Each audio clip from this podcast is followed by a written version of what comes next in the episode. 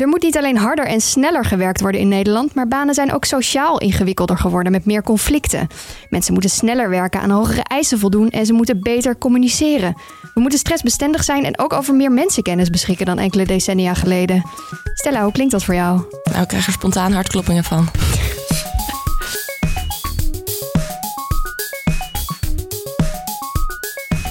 Hoi en welkom bij een nieuwe Folia-podcast. Ik ben Sterre van der Hey en ik praat hier met UvA'ers over het nieuws op en rond de universiteit. Bij mij in de studio vandaag zit onze studentcolumnist Stella Vrijmoed. Hallo. Hallo. En uh, wetenschapper Arnoud Boot. Uh, meneer Boot is hoogleraar op het gebied van ondernemingsfinanciering en financiële markten. Ook welkom, meneer Boot. Ja, goedemorgen. Goedemorgen. Uh, meneer Boot, u heeft deze week meegeschreven aan een rapport van de Wetenschappelijke Raad voor het Regeringsbeleid, adviesclub van de regering. En er was nogal veel over te doen, want het was eigenlijk helemaal niet zo positief over de manier waarop we werk invullen in Nederland. Nou ja, je kunt het glas half vol, half leeg. Hè? Ja. Uh, kijk, we hebben onvoorstelbaar veel werk in Nederland. Hè? Uh, maar, uh, maar wat je ziet is dat uh, als je ziet van alle ziektegevallen die ontstaan, als we gewoon even over negatieve inzoomen, dan zie je dat de helft werkgerelateerd is. Ja. En, en, meestal niet lichamelijk, maar allemaal mentaal. Ja. dus een veelheid aan burn-outs. en dat heeft eigenlijk de WR, Wetenschappelijke Raad voor het Regeringsbeleid, die, die zeven raadsleden heeft. En die zijn van hele verschillende gebieden. Dus ik kom van economie, maar we hebben neuroloog, et cetera. Wij moeten gezamenlijk eigenlijk over ons eigen vakgebied heen kijken. En kijken naar die samenleving. En kijken wat doen we eigenlijk op dat gebied van werk de invulling van werk en de eisen die we aanstellen, die schijnbaar stress creëert. En die stress is voor niemand goed. Niet Nee. voor werkgevers en nog voor de persoon zelf. Nee, nee, daar kom ik zo op terug bij u. um, want ik ga daar zo graag verder op in, op dat rapport.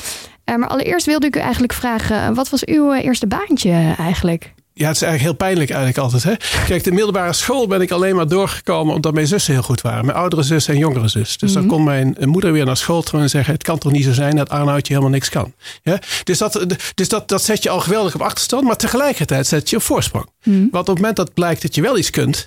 eh, dan krijg je daar geweldig zelfvertrouwen uit. Eh, nou, mijn eerste baantje eh, was bij Agio sigarenfabrieken eh, in Duizel. Ja, Um, en die Agro sigaarfabriek in Duitsland, die trouwens net overgenomen is door een of andere investeerder. Want dat roken is natuurlijk niet meer hetgeen waar, eh, waar, waar, waar de toekomst zit. uh, maar dat was een kwaliteitsonderzoek. En het was eigenlijk wel interessant. Was, want dat was tijdens mijn studie. Dat was van hoe kun je nou zorgen dat tijdens dat productieproces, waar die werknemers dus die sigaren aan het maken zijn. Ook toen was het allemaal mach machinaal. Hoe kun je nou zorgen dat die werknemers er meteen belang bij hebben dat de uitval minder wordt? Dus dat ze op die kwaliteit letten. ja. En dat is eigenlijk wat eigenlijk in het WRR-rapport ook terugkomt. Hoe maak je banen interessanter? Waardoor het niet puur productie is, maar dat er tegelijkertijd verantwoordelijkheidsgevoel is bij degene die achter die machine staat en die problemen probeert te voorkomen. Precies, ja, ik hoor dat u eigenlijk best enthousiast was over, over uw eerste baantje. Uiteindelijk zie je dat overal. Hè. Wat zijn de goede studenten? Dat zijn meestal niet de slimste. Dat zijn de mensen die enthousiast zijn, gemotiveerd zijn. Mm -hmm. Als ik een medewerker aanneem, enthousiasme en motivatie is zo verschrikkelijk, zo verschrikkelijk belangrijk. En natuurlijk, men moet bepaalde kwaliteiten hebben. Maar dat enthousiasme, dat is wat mensen drijft. Ja. En dat is wat, wat zorgt dat iemand vijf keer meer doet dan iemand anders. Ja, Stella, dit... hoe kijk jij daar tegenaan? Nou, de kunst is natuurlijk om dat te ontdekken. En uh, ik weet niet of daar ook in het rapport iets over staat. Of daar meer aandacht gaat. Meer aandacht voor werknemers om uh, hun, hun, hun capaciteit en hun interesses te, te ontwikkelen en te ontdekken in werk. En uh, ja, of, of dat, is dat ook een taak van werkgevers eigenlijk? Zeker, het komt op, als ik mag, het, het komt eigenlijk op, even zo ruw in mijn hoofd, twee belangrijke plaatsen terug. Eén, in toenemende mate zijn banen geen vaste banen meer, maar flexibele banen. Mhm. Mm -hmm. En wat hebben wij gezien? Dat flexibele banen, ZZP'ers en hoe je die mensen ook allemaal noemt, werkgevers investeren minder in die mensen. En zijn minder betrokken bij het continu laten leren van die mensen. Dus dat is één. En het tweede is, en dat is een van de belangrijke, ook een van de hoofdconclusies die nog niet eerder getrokken was, de autonomie op het werk. En dat betekent dus de wijze waarop je zelf kunt inrichten. Dat je zelf nadenkt, profes, als professional, maar ook gewoon op lager niveau. Dat je mag zelf een beetje mag bepalen hoe je het precies inricht. Dat motiveert. En die autonomie is afgenomen. Dus het komt op twee hele belangrijke plaatsen hmm. terug. Ja. ja, ja, ja. Er stonden ook nog een aantal andere dingen in dat rapport die niet, uh, u zei het glas is half vol of half leeg, maar die niet super rooskleurig waren. Uh, dat ging ook vooral over die psychische gezondheidsklachten, inderdaad. Uh, meer stress, meer conflicten.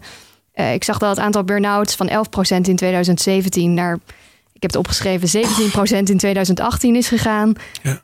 Um, en, en, wat ik las in uw rapport, vroeger hadden we vaker broken bones, omdat ons werk Ja. fysiek te zwaar was. Nu hebben we vaker broken hearts. Ja, ja, ja, Wat dat, betekent dat? Dat, zijn, dat zijn zeker niet mijn woorden. Maar, maar, maar gelukkig hadden we, gelukkig hadden we een er diverse, we hadden een diverse groep onderzoekers. Wat ook weer cruciaal is. Hè? Want, want een diverse groep onderzoekers, zoals ook die raad zelf. Hè? Die zeven mensen, de een neuroloog, de andere econoom. Dat leidt tot nieuwe inzichten. Mhm. Ja. Maar het is ook de staf. Hè? We hebben een hele staf van 30 mensen. Die werkt permanent eraan. Eh, Monique Kremer en eh, Robert Wendt. Eh, dat zijn echt twee stafmensen. Briljante stafmensen. En die komen ook met deze hele mooie opmerkingen. De, de richting van het rapport, de problemen, daar zijn wij voor. En die hele mooie opmerkingen komen vaak van hun. Maar meneer Boot, wat betekent het? Nou ja, wat het betekent is, eh, eh, wat is het? Hè? Wat is het? Eh, dat broken hearts, hè? pak dat even. Wat is het dat mensen eigenlijk ongelukkig maakt op hun werk? Of het idee geeft dat ze hun werk niet kunnen combineren met hun privéleven? Want dat is eigenlijk wat we zeggen. Hè? Grip op geld, grip op werk en grip op leven.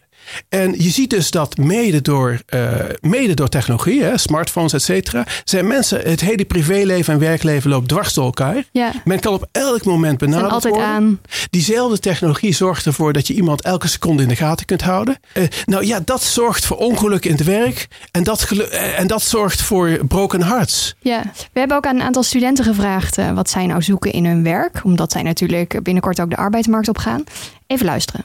Als ik een baan zou hebben en ik zou niet het idee hebben dat ik echt iets bijdraag van, eh, naar de maatschappij waar ik echt goed in ben, dan eh, zou ik een beetje teleurgesteld zijn eigenlijk. Ik denk dat heel veel millennials dan niet echt een keuze hebben. Want ik zelf ben ook wel slachtoffer geworden van te veel tijdelijke contracten. En op een gegeven moment moet je wel weg.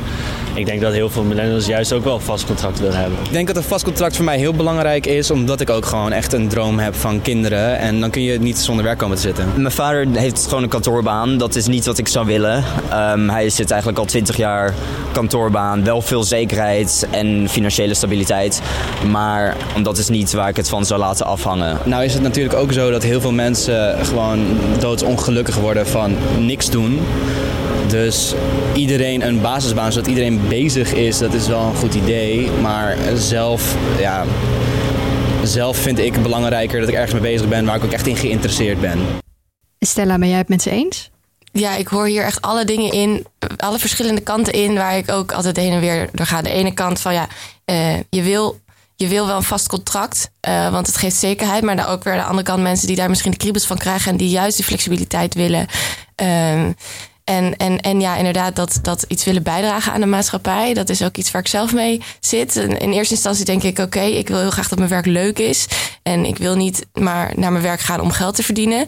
Maar aan de andere kant eh, gaat het alleen maar om mij? Of, of gaat het ook om wat ik bijdraag? Eh, dus dat zijn wel dingen waar ik heel erg mee bezig ben nu, ja. Ja, willen we eigenlijk niet een beetje te veel, meneer Boot? Ja, dat is, kijk, dat is een hele goede vraag. Hè? Dat is een hele goede vraag. Want we weten uit allerlei onderzoek dat. eh, pak even op het gebied van eh, verdiensten, geld. Hè. Geld is, eh, is denk ik voor de nieuwe generatie inderdaad minder belangrijk. Inhoud van het werk, je kunt ontplooien en betrokkenheid voelen. En wat je ook duidelijk hoort in, eh, in, die, in, die, opnames, in die opnames net. Zijn, buitengewoon belangrijk. Maar we weten uit allerlei andere onderzoek dat we altijd ongelukkig worden van het feit als de ander iets meer geluk heeft of iets meer heeft. Het is vaak relatief. Dus het feit dat wij drie keer welvarender zijn, noem maar dan 50 jaar geleden, dat absolute niveau voor geluk telt veel minder dan het feit dat de buren misschien meer hebben of minder hebben. Ja, ja. En, en, en dat kan verklaren waarom je in zo'n tijd van overvloed, want laten we toch ook wel, en dat is toch het gla- glas half vol toch? Het is toch onvoorstelbaar wat wij voor welvaart voor bijna iedereen gecreëerd hebben. Je wilt toch niet terug 30, 40 jaar in de tijd? Dan ben je echt eh, naïef om te zien wat er, wat er toen aan misstanden waren. Waar de misstanden van vandaag. En dat is mijn glas half vol. Eigenlijk bij je niet vallen. En dat is niet om de problemen nu te bagatelliseren. Ja, hè, mensen worden er nog steeds ziek van, hè? Absoluut. En, en eh, psychisch meer waarschijnlijk. Mensen die tussen wal en schip vallen. De, de bullshitbanen. Je kunt van alles opnoemen. Maar het, het is wel zo dat met welvaart, welzijnstijgingen ons verwachtingenpatroon stijgt. En je je dus zelfs ongelukkiger kunt voelen bij een hoger welzijnsniveau en welvaartsniveau dan bij een lager, omdat je je verwachtingen aangepast hebt. Ja, precies. Zijn we dan te verwend? Nou, ik, dat wil ik absoluut. Kijk, dat wil ik absoluut niet zeggen. Kijk, misschien wij zijn allemaal, eh, misschien allemaal verwend. Hè? Heel veel mensen die hier zitten, die hier studeren, dat, dat zijn de mensen die. Dat zijn bevoorrechte mensen. Ja. Eh, en, en, en ik ken heel veel mensen, en ook van mijn schooltijd, die voor allerlei redenen echt heeft tegengezeten. En juist als je ouder wordt, ga je daar veel meer bij stilstaan. Wat voor onvoorstelbaar veel geluk je hebt gehad. Ja. Dus natuurlijk zit er, zit er een vanzelfsprekendheid aan dat geluk wat je hebt gehad. En dat mag je ook verwendheid noemen, maar verwendheid vind ik wel heel negatief klinken. Hoe zou u het noemen? Ja, kijk, we moeten gewoon. Ja, het is heel lastig. Ik vind verwendheid, vind ik, is bijna een beetje beschuldigend. Van je, Ja, van je bevoorrecht, moet, je moet, bevoorrecht. Ja, bevoorrecht. Stella, ja, bevoorrecht. Stella, je bent Gezegend. bevoorrecht. Ja. Ja, zo voel ik me ook zeker. Heel vaak als ik hierover nadenk, dan denk ik... wat ben ik toch eigenlijk vrij en wat heb ik het toch eigenlijk goed... als ik eh, zelf kan bepalen wanneer ik ga werken... of wanneer ik ga slapen en wanneer ik nog de straat op ga. En, en gewoon in het algemeen ook hoe ik mijn leven indeel... en, en het werk wat daarbij komt ook. Dan denk ik, ja, ik voel me gewoon eh, eh, heel erg gezegend. Hoe kijk je eigenlijk naar eh, je toekomstige arbeidsperspectief? Als je kijkt naar jezelf over tien jaar en je bent aan het werk, zie je dat positief in? Of vind je dat spannend? Eh, minder spannend dan vroeger. Vroeger dacht ik echt, ik, ik, waar ben ik dan? Nergens. Dacht ik echt dat ik in de goot lag. Wat is vroeger? Eh, Ik denk eh, zo drie jaar geleden of zo. Tot drie jaar geleden veranderde het, veranderde het een beetje. Toen ik 25 was. En waar kwam dat door? Eh, ik ging een master doen waarin ik me beter op mijn plek voelde. De journalistiek master. En, eh, en daardoor eh, begon het allemaal een beetje. En het begon ook gewoon tegelijk met verhuizing naar een andere stad. En eh, met, met, ik denk ook ging het gelijk op met, met wat volwassener worden. En je eh zette naast eerstejaarsstudenten dat je denkt... Hey, ik ben dat niet meer. Ik ben wel gewoon al... Ik heb al dingen geleerd, dus zo kwam er wat vertrouwen. En eh, nu denk ik over de toekomst eh, eigenlijk redelijk relaxed. Ik denk dat komt wel. En ik, eh, ik, ik heb meer vertrouwen in, in inderdaad die bevoorrechte positie en in wat ik gedaan heb. En, en in dat, het wel, eh, dat ik wel op een hele fijne plek terechtkom. Ja, meneer Boot, ik zie u innemend knikken. Ja, kijk, de gemiddelde Nederlander is buitengewoon gelukkig. Ja, het gemiddelde Nederlander. Dus dat, dat is heel belangrijk om dat, dat glas half vol in gedachten te houden. Ja, u nuanceert Maar, het eigenlijk. maar er- kijk, er zijn, kijk, er zijn twee grote probleemgroepen die wij eigenlijk identificeren. Eén is natuurlijk de groep die, eh die er door persoonlijke problemen, een handicap of u weet wat, eigenlijk naast die arbeidsmarkt staan. En die arbeidsmarkt is, en dat is eigenlijk de analyse van het rapport, hè, door, eh, door robotisering, hè, technologisering, door flexibilisering en intensivering, er wordt steeds meer Ja. verwacht, er staat Ja. veel meer druk, is die afstand tot de arbeidsmarkt voor iedereen die een handicap heeft, of wie het tegen heeft gezeten, mentaal ook tegen heeft gezeten, die is groter geworden. En daar kwam die suggestie ook uit voort. Ik hoorde het woord basisbaan net. Het gaat eigenlijk niet zozeer over basisbaan. Het gaat erom dat wij een arbeidsmarktbeleid creëren waar wij die mensen helpen. En we zijn een buitengewoon rijk land. Dus wij moeten die mensen fatsoenlijk kunnen helpen. Want het hebben van zinvol werk, wat het ook is, is voor ontplooiing van mensen en voor hun persoonlijk gevoel onvoorstelbaar belangrijk. Hoe je ook Ja, naar werk mag Legt kijken. u dat eens uit, zo'n basisbaan? Hoe, hoe ziet dat Nou in de praktijk kijk, daarom, uit? kijk, het woord basisbaan, als het aan mij gelegen had, had het woord basisbaan niet in het rapport gestaan. Nee, en het wordt Omdat- broken hearts ook niet. Nou ja, Broken Hearts had er voor mij nog wel in mogen staan, maar dan was het even evident dat het niet van mij kwam. maar basisbaan leidt af. Het leidt af. Het suggereert in de, in de, de, de generatie eh, net voor jullie, eh, de melkertbanen, hè, dat was toen we hoge werkloosheid hadden, Ja. van wij moeten die mensen aan het werk krijgen. Nou, ik in het algemeen mensen aan het werk krijgen. Laten we kunstmatige banen creëren. En nou even glas half vol. Weten jullie hoeveel werkgelegenheid gecreëerd is de afgelopen vijf jaar? In termen van arbeidsuren. Dus dat, zijn echte, echte, dat is echte werkgelegenheid. Ja. 9,5 procent. Dat zijn 800.000 banen zijn in vijf jaar gecreëerd. Ja. En de helft is, eh, heeft de werkloosheid naar historisch dieptepunt gebracht. Bijna geen werkloosheid. En die andere helft is mensen die überhaupt zich nog niet aangeboden hadden. Nee. Maar 9,5 procent. 800.000 banen. Er was geen plan geweest wat zelfs 100.000 banen bij elkaar had gekregen. Dit is de markteconomie. Dus als we tegen kapitalisme zijn, hier kunnen we niet tegen zijn. Nee. Dit hadden we met geen enkel plan kunnen doen. Kijk, wa- waar we het over hebben is die mensen die naast de arbeidsmarkt staan met een probleem, die moeten we meekrijgen. En hoe krijgen we die mee? Creëer iets. Help ze. Zet, geef ze iets zinvols. Waar, waar, en oh, geef ze een Voorbeeld, kunt u een voorbeeld geven van Nou iemand ja, die kijk, thuis ik- zit met een eh, kijk, bijvoorbeeld kijk, psychische problematiek? eh, Ja, kijk, ik, een heel belangrijk voorbeeld is de, le- de onmiddellijke leefomgeving van mensen. Hè? Dat wij, waarom doen wij het beter, eh, Amsterdam en Nederland, beter dan Brussel? Waarom hadden wij die terroristen niet allemaal in die buitenwijken zitten zoals in Brussel? Dat is omdat de politie en mensen, sociale, sociaal medewerkers, die kenden de lokale buurten. Er is allerlei lokaal werk wat je kunt organiseren. Een huismeester in een flatgebouw. Uitermate belangrijk. Dus, dus, en die banen worden niet automatisch gecreëerd. Dus daar zou je die mensen die, die die afstand hebben, die zou je daar zich kunnen laten ontplooien. Je geeft ze wat opleiding en misschien kunnen ze dan ook nog de volgende sprong maken. Maar huismeester zijn is ook al een mooie invulling van, van hun tijd. Waarom is het eigenlijk zo belangrijk dat mensen uh, werken? Wat halen ze uit werk? Ja, dat is, uh, kijk, dat is natuurlijk eigenlijk ook het mooie van dit rapport. Hè? Want het is over het betere, betere werk, meer werk dan ooit. En waarom zitten we niet in de tijd van, uh, ja, misschien toch wel 25 jaar geleden, dat we zeiden: al die druk op werk, jongens, houd eens op met het werk. Je moet er ook uh, gewoon fijn in je tuin kunnen harken. Werken voor geld. Ja, waarom moet dat allemaal? Ja, het, hoeft niet, het hoeft niet voor geld. Hè? Het kan vrijwilligerswerk, kan buitengewoon goede invulling geven.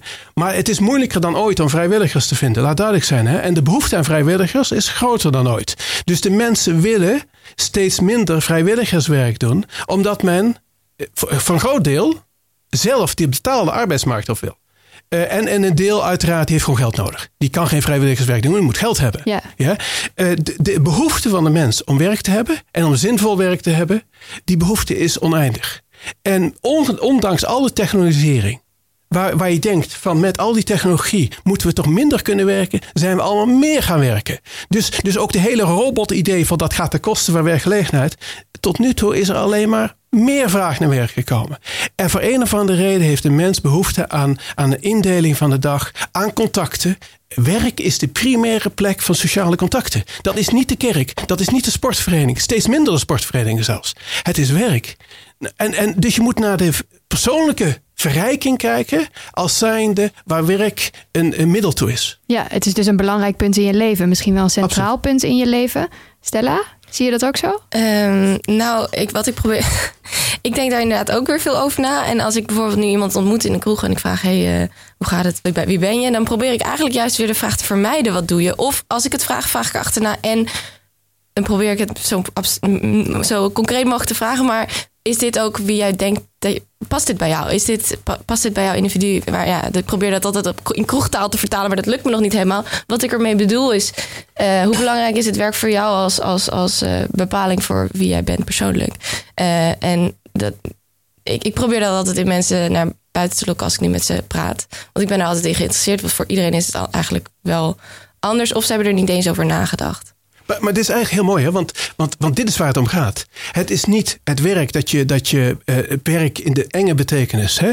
dat je een papierstapel van de linkerkant van je bureau naar de rechterkant van je bureau doet. Wij zaten laatst aan de tafel, was bij een grote bank in Nederland, met alle bestuursvoorzitters. En we maken een rondje van wat motiveert je? Wie ben je? En het mooie was dat een van die personen, nadat we het zo gevraagd hadden, het ging natuurlijk, wat motiveert je? Waarom, waarom überhaupt? Iedereen heeft geld genoeg. Waarom ga je naar je werk? Wat is het aan die maatschappij wat je wil toevoegen? En? Dat was eigenlijk... en dan hadden we natuurlijk weer één iemand aan tafel zitten die zei: Nou, op de eerste plaats ben ik bankier. Nou, onze broek zakte allemaal af. Nee, het ging dat niet om. Wat motiveert je? Wat, wat wil je doen? Waar, waar, sta je voor? Ja, en dat is eigenlijk wat ik hoor in je antwoord stellen. En als ik dezelfde vraag aan u stel? Ja, kijk, eh, kijk ik, ik, ik, ik, heb mezelf altijd als oneindig bevoorrecht gezien. Hè? Daar kwamen we op. Dus toen ik uit Amerika terugkwam, uh, wat ook al een wonder was, uh, dat, dat uh, opeens bleek dat ik iets kon. Ehm, op 32 jaar leeftijd kwam ik uit Amerika terug. Dus als hoogleraar hier benoemd, hier benoemd aan de UvA. Maar op mijn 27 stond ik een keer tweede op een nominatie van hoogleraarsplaats. Maar gelukkig heb ik die toen niet gekregen, want het was belachelijk. Ja? maar 32, kom terug. En dan zie je dat je in die maatschappij kijkt. Je ziet allerlei misstanden. En dan is het mooi om die aan de ene kant die wetenschap, wat toch een beetje ivoren toren is, silovorming, blind, tunnelvisie. Want je moet wel laten zien dat je goed bent in hetgeen wat je doet. Dat je, dat je, daarna, dat je, naar de, maatschappij, dat je de ruimte hebt om naar die maatschappij te kijken en zeggen waar zijn nou de belangrijke misstanden. Mm -hmm. En hetgeen wat, wat, wat als, als ik morgen onder de tram kom, wat in de krant zal staan, is mijn rapport in 1995, dus toen was ik net 35, mm -hmm. over de woekerpolis dat je ontdekt hebt dat er iets fundamenteel verkeerd zit in die hele pensioenvoorziening. Want dat waren die woekerpolissen. Waar heel Nederland een poot werd uitgedraaid. Ja. Maar dat was niet mijn enige dossier. Ik had in, de, in mijn 30 jaar, toen zat ik nergens in. Dus ik kon overal tegenaan schoppen. Nu moet ik uitkijken, want smiddags zit ik met dezelfde mensen aan tafel. Als ik ze dan op de radio uitgescholden heb, dan is praat smiddags wat minder makkelijk als je aan tafel zit met die mensen. Ja. Maar zo had ik een heel bende van dat soort dossiers. En zo heb ik tien jaar in de Sociaal-Economische Raad gezeten. Daarom in de Wetenschappelijke Raad voor het Regeringsbeleid. De Bankraad. Je voegt die zo aan die maatschappij. En dat motiveert. Ja, dus dat zou uw antwoord zijn. Ja, dat is mijn antwoord. Ja. Stella, wat zou jouw antwoord zijn? Wat motiveert me? Ja. Um, ja, ik ben daar eigenlijk nog steeds zoekende naar. nu is dat nog steeds uh, mijn eigen geluk. Maar ik hoop eigenlijk dat dat op den duur... dat ik die focus kan verleggen... en ook meer voor andermans geluk kan gaan in werk. Nou ja, goed. Dit, dit is eigenlijk een beetje ook wat ik zei in het begin van je carrière. Je moet in die wetenschap blind, wat het ook is, is wetenschap of wat het ook is. Dus de, de wereld centert om, je, om jezelf. En op een gegeven moment heb je, het, uh, heb je het genoegen of trek je het geluk uit het feit dat je anderen motiveert. Of dat je mhm. misstanden in dit geval aan de kaart stelt. Dus dat is ook een soort levensontwikkeling. Ik zou ja, bijna zeggen. Ik heb gewoon echt het idee dat ik nog, nog, nog steeds heel veel met mezelf bezig ben. En dat dat nog even nodig is. Maar dat er heb ik wel goed vertrouwen in dat op den duur dat ik daar dat ik die focus kan verleggen meer naar buiten toe. En daar heb ik ook wel zin in. En in datzelfde kader, uh, meneer Boot, zijn er dingen die u misschien uh, aan onze generatie, misschien wel aan Stella of aan mij, zou willen adviseren als het gaat om kijken naar je werk en uh, doen waar je blij van wordt? Nou ja, ik vind adviseer altijd heel gevaarlijk. En mijn, nou, u heeft net een adviesrapport. Nee, nee, maar ik doe niks anders. Ik heb, ik heb 30, ik adviseer op elk gebied zo ongeveer. Want, want een, een verse blik op vraagstukken. Een tip, noem het een tip. Nou, één. Mijn, mijn dochters zijn 25 en 29 jaar oud. Hè? 25 en 29. Het laatste wat ze van mij accepteren is welk advies dan ook. Ja? dus in zoverre, in zoverre is dat evident. Hè? Dat, ze lachen me letterlijk uit. Maar wat, wat ze denk ik wel meegekregen hebben is... je moet nooit ergens vast blijven zitten. Omdat je, ja, omdat je die vaste baan wil hebben, houden, et cetera. Je leeft maar één keer. Dus ik weet toen ik, uh, toen ik, ik moest tussentijds Amerika uit, toen ik die tien jaar in Amerika zat. En toen zat ik bij ABN AMRO in die tussentijd. En ik zei mijn baan op. En er waren al mijn mensen. Er eh, waren twee dingen. Eén, toen ik de baan kreeg, waren ze aan het uitleggen hoe geweldig de pensioenvoorziening was. Jezus, min zeg, 25 jaar leeftijd. Doe I care over pensioenvoorziening. Mm Laatste. En tweede, baan opzeggen op je 26ste omdat je iets, of 27 omdat je iets, iets leukers ziet. Doe het. Ga niet vastzitten. Je leeft maar één keer. Lijkt me een mooi advies wat jij Stella. Ja, zeker. Ik ben het ook helemaal mee eens. En dat is gelukkig ook al waarnaar ik leef. Heel goed. Hartelijk dank uh, allebei. En met die gedachte gaan we het weekend in. Yes. Denk ik. Um, dankjewel dat jullie er waren om over dit, uh, over dit onderwerp te praten. En voor alle luisteraars, dankjewel voor het luisteren. Uh, heb je misschien een vraag aan Stella of aan meneer Boot? Of heb je iets toe te voegen of wil je ons gewoon iets leuks melden? Laat het dan horen in de comments hieronder. Een uh, linkje naar het rapport staat ook in de show notes onder de podcast. Dankjewel voor het luisteren en tot de volgende keer.